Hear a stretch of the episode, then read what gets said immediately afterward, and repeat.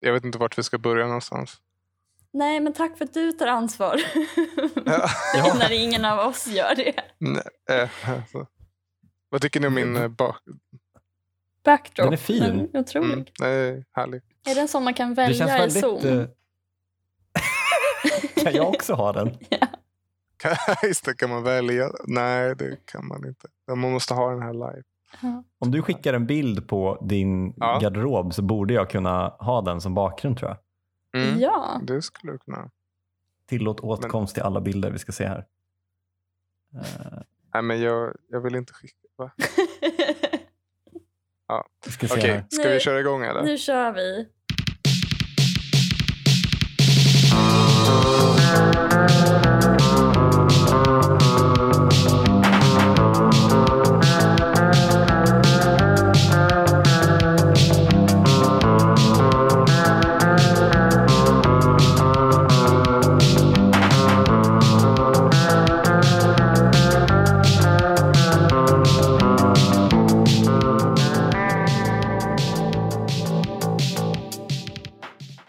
Hej Ellen! Hej Kim! Och framförallt hej Lukas! Hej Ellen, hej Kim. Välkommen till vår podd. Tack. Tack så mycket. Nej, men eh, för jag och Kim har ju skrivit en eh, lista i, under tre års tid i en gemensam anteckning på telefonen. Eh, och där har vi skrivit upp tusen punkter med samtalsämnen som vi slumpar fram nu varje vecka med hjälp av producenten Sally. Eh, och så pratar vi om dem. Du är ju med här idag Lukas för att du förekommer i en av de här punkterna. Ja, det känns ju lite konstigt, måste jag säga. Att jag har tänkt på dig någon gång under de senaste tre åren och skrivit upp ditt namn i en lista. Ja, det är faktiskt väldigt intimt. Ja, det känns konstigt. Eller det känns intimt, ja. Det känns lite speciellt att man får förekomma på en lista som någon har skrivit. Vad hade du önskat att listan eh, var över? Just det, killar jag önskar att jag hade pussat på högstadiet. Att någon man är på någon, någon såns lista. att det var någon som Mm. trånade efter en när man var 14. Ja. Killar jag skulle vilja bjuda upp på skoldiskot. Killar som passar bra till Ellen. Om de inte vore gifta. Mm. Eller trots att de är gifta. Va? Nej. Eh, vill, du, eh, Ja. vill du presentera dig Lukas? Ja, eh, jag är Kims kompis. Eh, som jobbar som... Eh, jag, jag, jag säger att jag jobbar som... Det känns irrelevant i min identitet att jag är byggnadsantikvarie. Men eftersom det är därför jag har blivit inbjuden så tänker jag att det är relevant att berätta. Eh, Det är det enda vi bryr oss om. ja, Med precis. Exakt. Mm. Den här podden är en mer- meritokrati. Så att eh, det, hur du är som person är oväsentligt. Vi kan skilja på verk och person. Nej, men som sagt, jag är byggnadsantikvarie. Det betyder att jag kan, eh, eh, eller att jag på arbetstid bryr mig lite för mycket om eh, linolja och eh, locklistpaneler. Man kan väl säga att det är alla så eh, kulturtanter på Österlens drömjobb, tror jag. Är det ett snobberi kring linoljor som pågår? Ja, ja, kring linoljefärg i alla fall tror jag att det är snobberi. Absolut. Ja, det här är inte min, en av mina specialämnen. Jag ville mest eh, exemplifiera med sånt som folk eh, i medelklassen känner igen så att ni ska känna er hemma. Har du pluggat i Mariestad? Eh, nej, det har jag inte, men eh, jag har varit där på konferens. På tal om... Nej, för att de har ju alltså Göteborgs universitets byggnadsvårdsutbildningar och någon slags Eh, träutbildning och sådär är ju där. Göteborgs eh, hans, universitets hantverksutbildning inom Just byggnadsvård är där. Så om man Just är till det. exempel timmerman och vill specialutbilda sig så pluggar man i Mariestad. Just det. Var Hur har du blir man pluggat mer specialutbildad än timmerman? Ja, jag tänker att om man har hållit på med grovsnickeri och så vill man bli timmerman, då kanske man åker till Mariestad. Jag är där ett tag och Mm. eh, hänger med andra killar med eh, långt skägg och eh, Petson-hatt. En liten snusnäsduk kanske. Ja, precis. Eller den får man kanske när man tar examen. Ja, just det. Det är det som är studenthatten. Men jag tror att det vanligaste är att man pluggar på Gotland eller i Göteborg. För det är där de två utbildningarna finns. Och då är man så, om man pluggar i på Gotland, då är man så, jag älskar att blanda kalk och hantverk och sådär. Och är man i Göteborg så är man lite mer så, jag tycker om stadsplanering och miljonprogrammet. Och att det är intressant med Mm byggnader i största allmänhet. Lite så kan man säga att det, stereotyperna är. Vilken av dem är du? Jag är ingen av dem, tror jag. Eller jag tänker lite på lusekofta-stilen som är Gotlands byggnadsantikvarier. Den eh, passar inte Mm. riktigt mig. Du, du, pass, du klär inte i lusekofta. Ska vi köra ett killproblem? Mm. Jag har, Har du inte... ett killproblem? Nej, jag har egentligen inget killproblem. Men det... Jag kan bara berätta en lite kul sak som hände idag. Att jag har fått ett brev. Ett Wow. analogt, riktigt brev i mitt brevinkast. I ett kuvert med frimärke och handstil och eh, skrivet med penna. Eh, men det är ju liksom inte, det är inte ett kärleksbrev så, men, men det är typ Ett hot. handlar, handlade om eh, några böcker som jag hade tipsat om. Så det var ju inte, det är inte ett killproblem så mycket som ett, återigen, killskryt. Jag, jag vill bara berätta att jag fått ett kärleksbrev. och förresten har jag ett otroligt sexliv. Vem skickar ett, eh, ett brev? Ja, det är frågan. Men eh, det, alltså jag skickade ganska nyligen ett brev faktiskt också. Så det kanske är... Romantiker? Gamla människor skickar brev. Är den här personen gammal? Nej, tyvärr inte. Det är ju annars min killsmak, min typ. men, men eh, Så gammal att eh, de skickar brev alltså. ju äldre desto Killsmaken bättre. riskgrupp. Ställer in på. Tinder så är det liksom skicka brev som främsta kommunikationsform. ja. Skicka julkort. Det känns som en... Ah. Gud vad mysigt. Mm. Mm. Drömkille, någon som lever på det tidiga 80-talet. ja.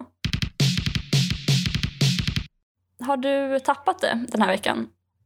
Ja, Det är inte så att jag har tappat det den här veckan Ellen, utan jag eh, har snarare kommit till en insikt. Mm.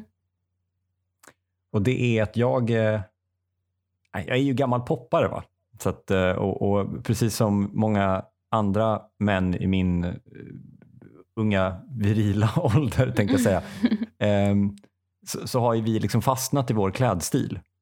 Det finns någon, eh, jag tror Schiffert säger i The 90s ett försvarstal att män liksom fortsätter, de är lyckliga, som lyckligast en gång i livet i unga år och sen fortsätter de klä sig exakt som de gjorde den gången när de var som lyckligast. Mhm. Ehm, Har en samling med t-shirtar från den tiden som de sparar resten av livet. Som har så olika tryck på sig. Typ, eh, men typ. i ditt fall så skulle det vara, inte, strokes kanske eller någonting. ja men typ, alltså verkligen. Att det är något sånt att man har Bob kläder Wood. på sig. Man gör liksom en dum ihopblandning mellan, vad säger man, eh, eh, alltså när ett samman, by- bygger ett samband där det inte finns något. Jag var så lycklig när jag hade på mig den här Strokes-tröjan så att om jag har på mig den jämt, då kommer jag fortsätta vara lycklig. Ja, eller Ehm. om jag bara fortsätter äga den, om den ligger längst ner i garderoben.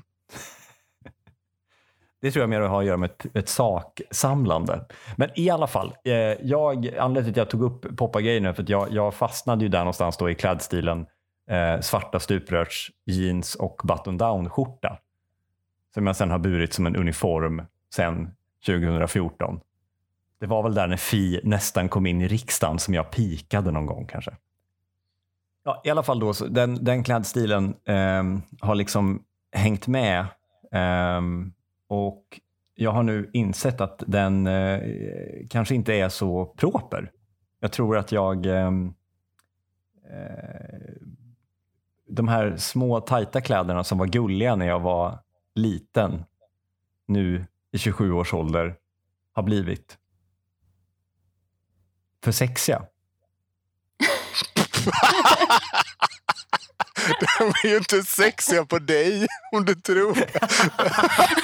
Nej, men jag menar inte, jag menar inte att jag, jag menar inte att jag går runt och är så vacker så att Det jag var är så oemotståndlig. Det var så en uppbyggnad till ett humble brag här. Det liksom tog fem minuters vandring upp på det här berget för att Kim ska berätta att han är sexig. Nej, men jag eh, har ju liksom eh, fastnat för en viss typ av t-shirts som jag hade då också. Eh, som gärna ska ha korta ärmar. Och det finns ju inte längre nu för att t-shirts nu är ju bara stora 90-talsinspirerade t-shirts med långa, breda ärmar. Eh, så jag jagar förgäves efter t-shirts med korta ärmar. Och har då hittat eh, exakt min t-shirtmodell efter långt letande på Sara och då köpte jag den i alla färger men tänkte inte på att det var en så kallad muscle fit. Så att den har lite elastatan och drar ihop sig över överkroppen. Ehm, men jag är så nöjd att jag har korta ärmar så jag bär den ändå. Och nu Mm. inser jag att jag går runt och visar upp mig. Men ser du inte bara ut som en fransman? Ja, det vill säga för sexig. Ah. Ja, ja. Men jag tänker att fransmän klär sig så oavsett om det passar deras kroppstyp eller inte. Ja, men det är väl mer åt det hållet kanske. För jag skulle inte vilja säga att jag har liksom kroppstypen muscle fit. Alltså det finns ju inga muscle att fit så att säga. Utan det är mer bara så en väldigt avslöjande tröja. Mm. Men sen så har du ju det här problemet också som jag tänker att man får om man fortsätter ha den här klädstilen. Det är ju det att man får weekday-pung.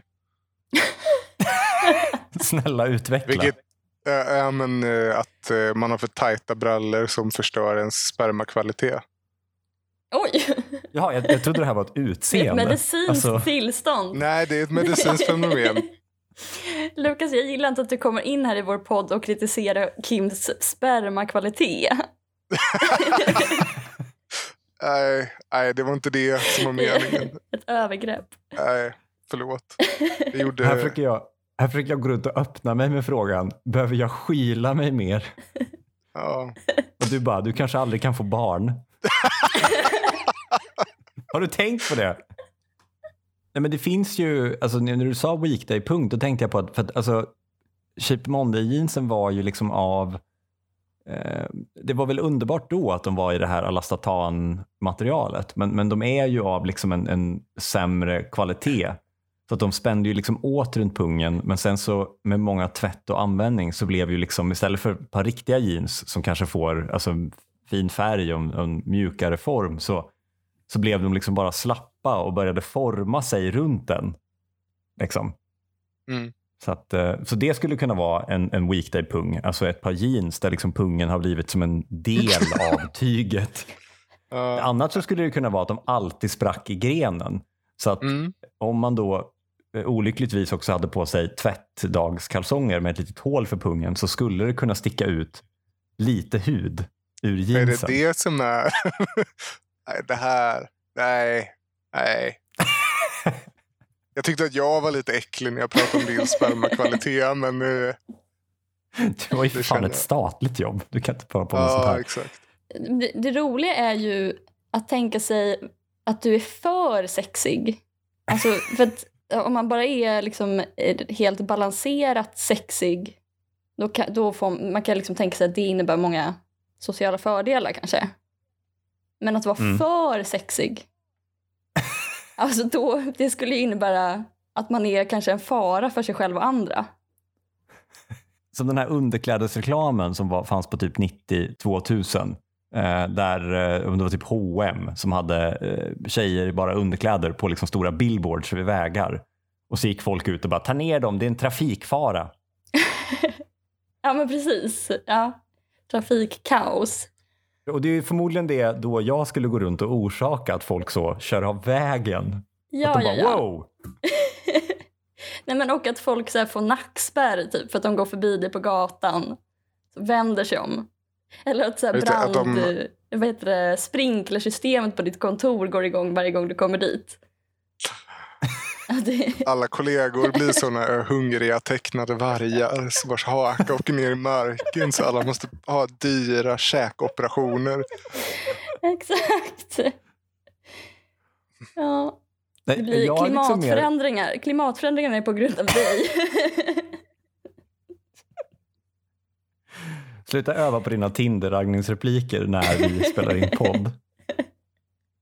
Vi kommer aldrig nå Parisavtalet så länge du ser ut sådär.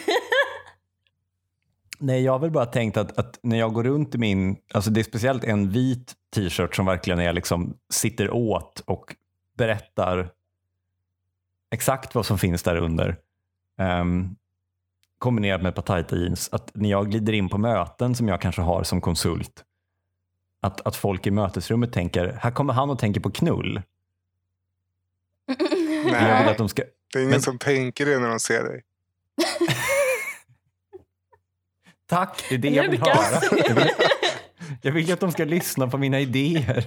Nej, jag skojar bara. Nej, men jag funderar på om det är, jag kan känna igen mig i den eh, grejen också. Att man, när man tittar på sig själv så tänker man, ah, jag utstrålar ju den här auran för jag är, har ju den här identiteten och är den här personen. Och sen så inser man att man utstrålar inte alls den auran eller den identiteten för alla ser den som Alla inte. tänker bara sex när de ser. Nej, ja, I mitt fall så tror jag att jag ganska ofta går in i ett s- rum och tänker jag är den unga personen här och sen så eh, inser jag att alla tänker oh den vuxna personen har kommit hit. Just det, i sin Petson-hatt. Ja, jag ser ut så. Och, ja. Petson-hatten är med. Och, eller, det är det som förstör det tror jag. Ja. Nej men det är, det är så att alla kommer in och tänker ah, här kommer han 42-åringen och så tänker jag eh, vilket jag ju inte är då utan det är svårt för dem som eh, lyssnar och ser. Men, Ja. eh, Okej, du är 42-årig aura.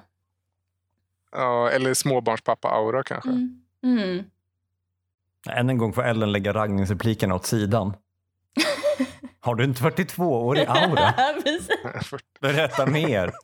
Säger det med sån upphetsad röst. Berätta mer om dina barn. Ja, de, Jag tänker ju att jag har en sån TEDx-aura. Att jag det ska har komma du in och leverera definitivt. Banbrytande idéer i ett, ett lätt tuggat format. Men förmodligen så är det bara liksom en, en eh, eh, köttmarknad-aura. när, när jag egentligen vill ha liksom, nu blir det powerpoint. Ja men verkligen, Mm. så next slide aura tänker jag att du har. Hot Hans Rosling. Punkt 471. Vad är K-märkning och hur fan funkar det? Hur tänker man? Vi intervjuar min kompis Lukas på Länsstyrelsen som börjar, som börjar med att berätta att det inte finns något som heter K-märkning längre. Mm. Välkommen Lukas i rollen som expert. Fan vad jag längtat efter att ta in en expert i podden. Åh gud. Underbart. Det, Ja. Du fick också lite regianvisningar där. Ja, Att du skulle börja med eh, att berätta att det inte finns. Ja, just det. Eh, det är, jag har sagt det lite så här en gång. Att det, jag tror att Kim har en erfarenhet från en period när jag framförallt pluggade eller när jag var ganska ny så, där, så, så kunde jag slänga ut med det ibland och säga så här, det finns ingenting som heter K-märkning och det har av någon anledning fastnat hos Kim. Mm. Eh, det är ju en sanning med modifikation. Så att, eh, Hur ligger det till? om det finns någon K-märkning Ja. Ehm, nej, men eh, i, i, i en juridisk mening eller liksom lagteknisk mening så finns det absolut ingenting som heter K-märkning. Ehm, men, eh, men det är ju en vad ska man säga, folklig samlingsterm för allt som alla byggnader som har kulturhistoriskt värde och sen så har det väl eh, slunk, slinkit iväg och blivit lite sådär allmän slapp eh, terminologi för när man vill att någonting ska bevaras, tänker jag. Man ska K-märka Eddie Medusa och man ska K-märka, jag vet inte. Det är så att i början av, jag, jag tror att det här är 20-30-tal så började eh, man att inventera fornlämningar i Sverige. Eh, och eh, liksom systematiskt. Och då tänkte man sig att när man var klar med eh, fornlämningarna då hade man liksom ark, som man, så fasta, liksom en mall som man skrev all information på. Och sen så tänkte man sig då att man skulle bli klar med fornlämningarna. För att hur många fornlämningar kan det finnas, tänkte man sig. Och då eh, började man inventera alla byggnader också som man tyckte på något sätt var lite anmärkningsvärda. Och då skrev man ett K uppe i hörnet. Eh, och då började man prata om K-märkt. Eh, men eh, om man vill eh, dubbelkolla det här så får man eh, ringa till eh, eh ja, en lärare som jag glömt av namnet på nu. Men det var den förklaringen vi fick då. Eh, nu ska man ju säga att eh, antalet fornlämningar i Sverige, man hittar ju nya fornlämningar fortfarande. Eh, och inventerar i viss grad fortfarande. Så det eh, blev aldrig någonting av det där. Istället så fick man ju lite egen lagstiftning och egna system. Eh, men det är ju så att säga, idén bakom ordet K-märkt. Står K för klar? Eh, ja, det står ju för kulturmärkt då, tänker jag mig. Ah, Okej. Okay. Jag trodde att man liksom var klar. Nu är den här inventerad och så skrev man K.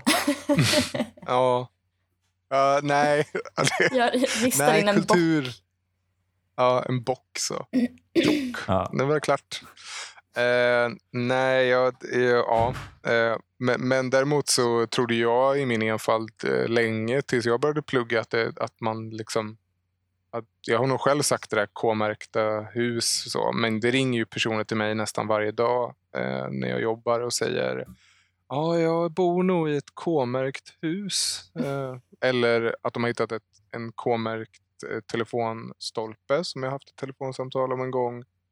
Eh, och K-märkta träd och K-märkta gator och ja, det är lite allt möjligt. Men det finns Men alltså, alltså ingen sin... lag som reglerar vad som ska bevaras och inte bevaras? Eh, jo, det gör det absolut. Eh, i, det finns tre lagstiftningar kan man väl säga. Eh, men eh, kulturmiljölagen, miljöbalken och plan och bygglagen som alla reglerar på lite olika sätt.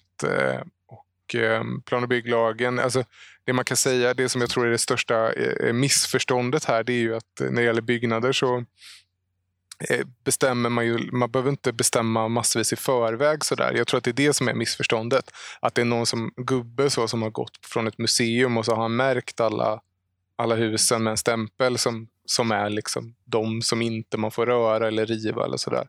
Men, men i plan och bygglagens bestämmelser så är det ju lite allmänt att har det kulturhistoriskt värde så betyder det någonting när man till exempel prövar bygglovet eller man ska göra en ny detaljplan och bestämma vad man ska göra med ett område. Så det är egentligen först då man sätter sig ner och säger ja, vilka kulturhistoriska värden finns på platsen, ja, vad får man göra och inte göra.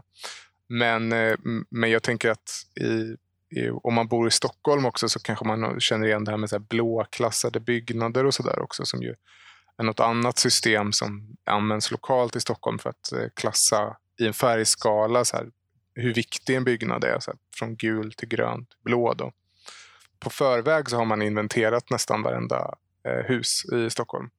Um, och då bestämt vad den har för kulturhistoriskt värde eller inte. Uh, och det tar man ju då i sin tur i hänsyn när man säger att du bor i en bostadsrättsförening som vill bygga balkonger. Och så finns det en fasad som är värdefull och kanske Stadsmuseet har varit där och tittat på det.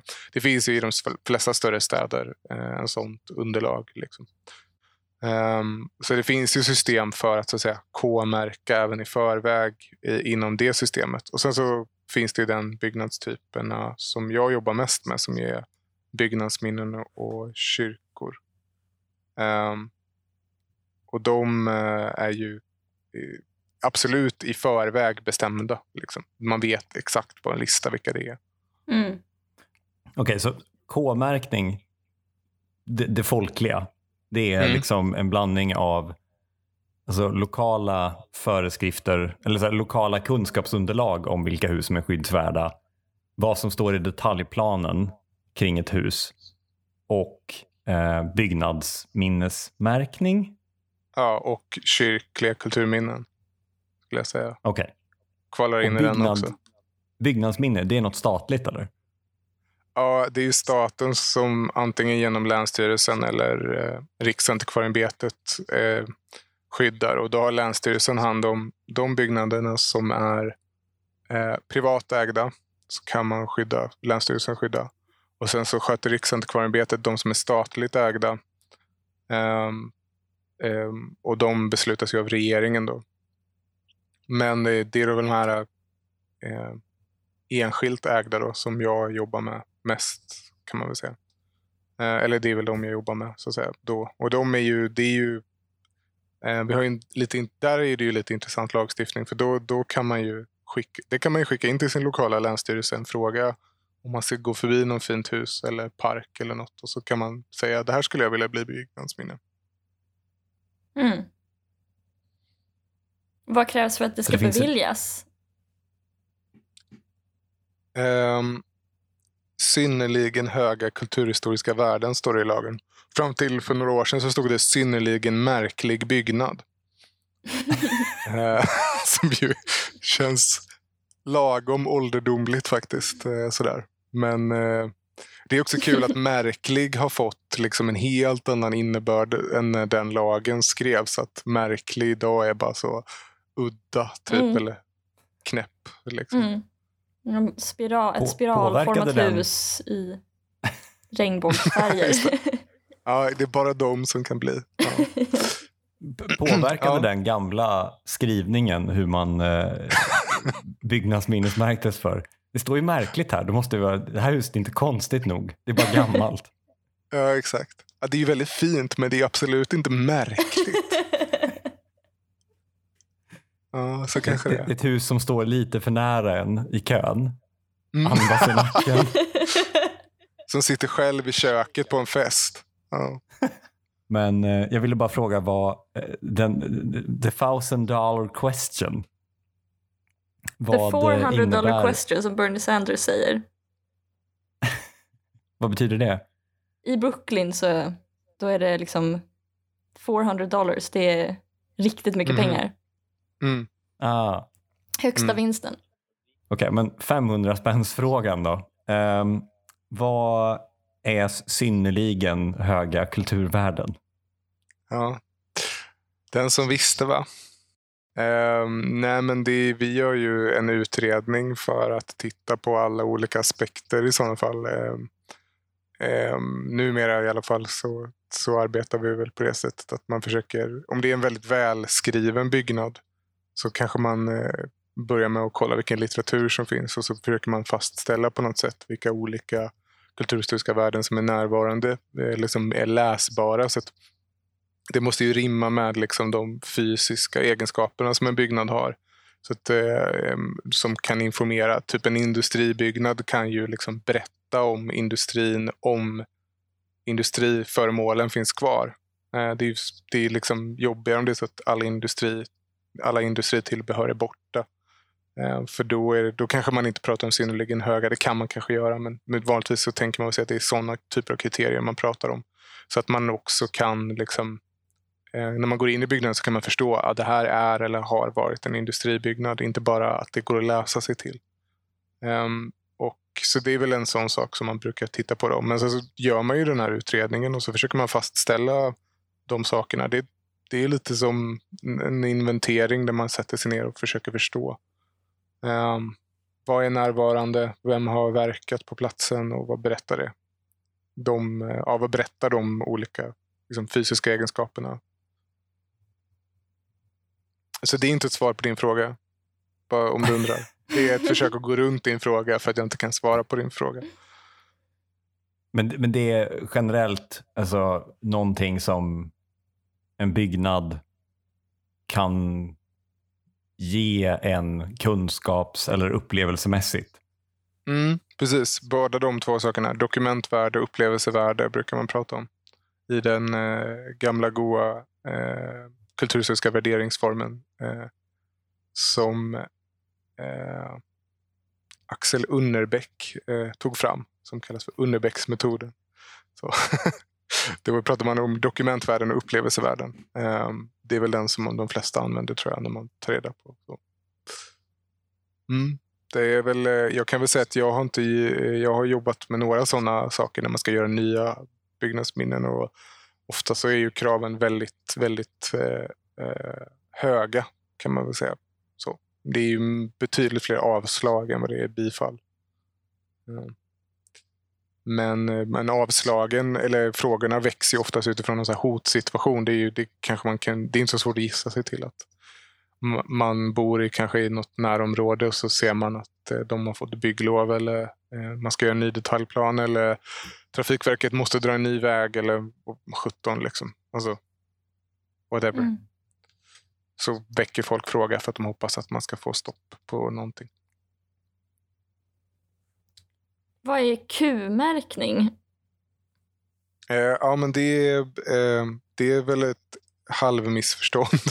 Där tänker jag också att man har, folk säger så, ah, det heter K, inte K-märkning längre, nu heter det Q-märkning. Men det är ju bara att man använder sig i detaljplanen och så använder man de tecken som man använder sig i på en plankarta för att markera eh, skydd av kulturvärden och varsamhet. Då. Det är Q och K. Eh, och förr så använde man sig bara av ett stort K. Då var det så här allmänt kulturreservat kunde det stå. eller något sånt. Eh, men, men nu för tiden använder man sig av Q när man skyddar kulturvärden och sen så finns det någonting som heter varsamhetsbestämmelse och då använder man ett litet K. Eh, så att, eh, det blir en sorts märkning kan man väl säga med Q och K. Det hänger ju ihop lite med det här folkliga begreppet. Men jag tror inte att det är därifrån det kommer. Men vad vet jag? jag det, det kanske finns någon som har skrivit en avhandling på det här som jag inte har läst och så sitter jag här och snabbgissar lite. Så. Men du vet mest av oss två. Eller ja, du Ja, vet mest av- av oss tre. Ja, just det. Du, du, Men, men av mig du och Ellen, så- vet du mest. härskarteknik mot Ja, men eller så var det att du inte inkluderade mig, för jag vet uppenbarligen mest. men av er två så vet du Ja, just det, just det. det. Så kan det också vara. I mitt huvud så var det av mig och Ellen så vet Lukas mest. Är det någon byggnad du skulle vilja klassa det som sånt här, att det har ett högt kulturhistoriskt byggnadsminne. värde? Ja, det, Byggnadsminne, jag ja. vill, det, vill och vill. Jag tror inte jag vill så mycket. Eller, personligen vill jag inte så mycket. Men ehm, ehm, jag jobbar ju med några objekt tillsammans med mina kollegor som Länsstyrelsen vill ska bli byggnadsminne just nu. Mm. Eh, Skandia-biografen på Drottninggatan till exempel och sådär som folk känner till kanske. Nej, det gör de inte. Det är bara så stockholmare som har varit på Stockholms filmfestival som vet var det ligger. Eh, men eh, nej men eh, eh, man kan väl säga att eh, jag, alltså för egen del så jag, jag tror inte att jag går runt. Jag går inte, har inte någon sån önskelista. Jag vill inte att saker ska bli bara sådär utan eh, jag tror nog att eh, Du är bara tjänsteman liksom. He- Ja, rakt helt igenom. Rakt igenom. Nej. Eh, nej, men jag tror att personligen så tycker jag kanske på en personlig nivå så kanske jag tycker att mer kulturhistoriskt, utan mer fokus borde läggas på eh, miljöer som angår folk och som inte är liksom stora monument. Mm. Det är som tillräckligt många slott som skyddas tycker jag Mm. på något sätt. För Det det är det känns- man tänker när man tänker skyddad byggnad. Alltså typ Mm. 1700-1800-tals kåk. Har du något bra exempel på där man har skyddat andra miljöer som man kanske inte tänker byggnadsminne? Liksom? Någon sån riktigt offentlig, Mm. offentlig förvaltning, estetik. ja, absolut. Eh, Ja, eh, Riks eh, försäkringsanstalten på vid, vid Sveavägen i Stockholm är ju en sån riktig betongkloss och- Mm. som är skyddad. Det är ju klassiskt offentlig förvaltningskaraktär på den byggnaden. Just det. Mm, jag vet inte, alltså ni vet, det är ju mycket så här gamla torp och sånt som är skyddat. Men det kanske man också Mhm. tänker, alltså det känns självklart kanske. Nej. Men det är väl så, är inte det sånt som st- stockholmare som köper typ villor eh, långt ute i, eller köper liksom gamla eh, gruvarbetartorp långt ute i ingenstans och sen så söker de bidrag från Länsstyrelsen för att få renovera det. Typ. Mm. Ja, men det är inte så ovanligt. Det händer absolut. Mycket i skärgården och så att de köper så gamla båthus och sånt som någon fiskare har haft och så. Ska de ha det som sin lilla pittoreska grej istället. Sådär. Men, jo, men det är mycket torp och, och det är lite sådär allt möjligt. Jag vet inte, det, det konstigaste byggnadsminnet vi har i vårt län är en klappbrygga i Dalarö tror jag. Eh, som en brygga man tvättade på förr. Mhm. Ja. Som man slog med en så här klappträd. Och, och så. Men tänker man, alltså, tänk, tänker man liksom lite eh, Pokémon också när man väljer ut vilka byggnader? Att, men så, att vi ska ha-. Ja. Ja, men, så här, vi, ska ha, vi ska ha tre torp i, i skärgårdsmiljö och eller är det liksom för varje hus? Ja, det en beror egen väl på hur bedömning. många, många som finns av varje ka- kategori. Alltså, bostadshus i Stockholms innerstad är ju extremt många. Och ganska lätt inventerade. Liksom. Det är ganska lätt att ha relativt sett lätt att ha koll på hur många de är och vad, vad de har för värden och sådär. Jämfört med, säg, hus i skärgården. Det tar ju evighet att inventera. Liksom. Ehm, men, men, så, nja, men lite så kanske. Man vill väl inte att det ska vara obalans mellan de här kategorierna som finns. Liksom. Man tänker bostadshus, slott. De flesta länsstyrelser tänker att de inte ska ha en obalans. Liksom.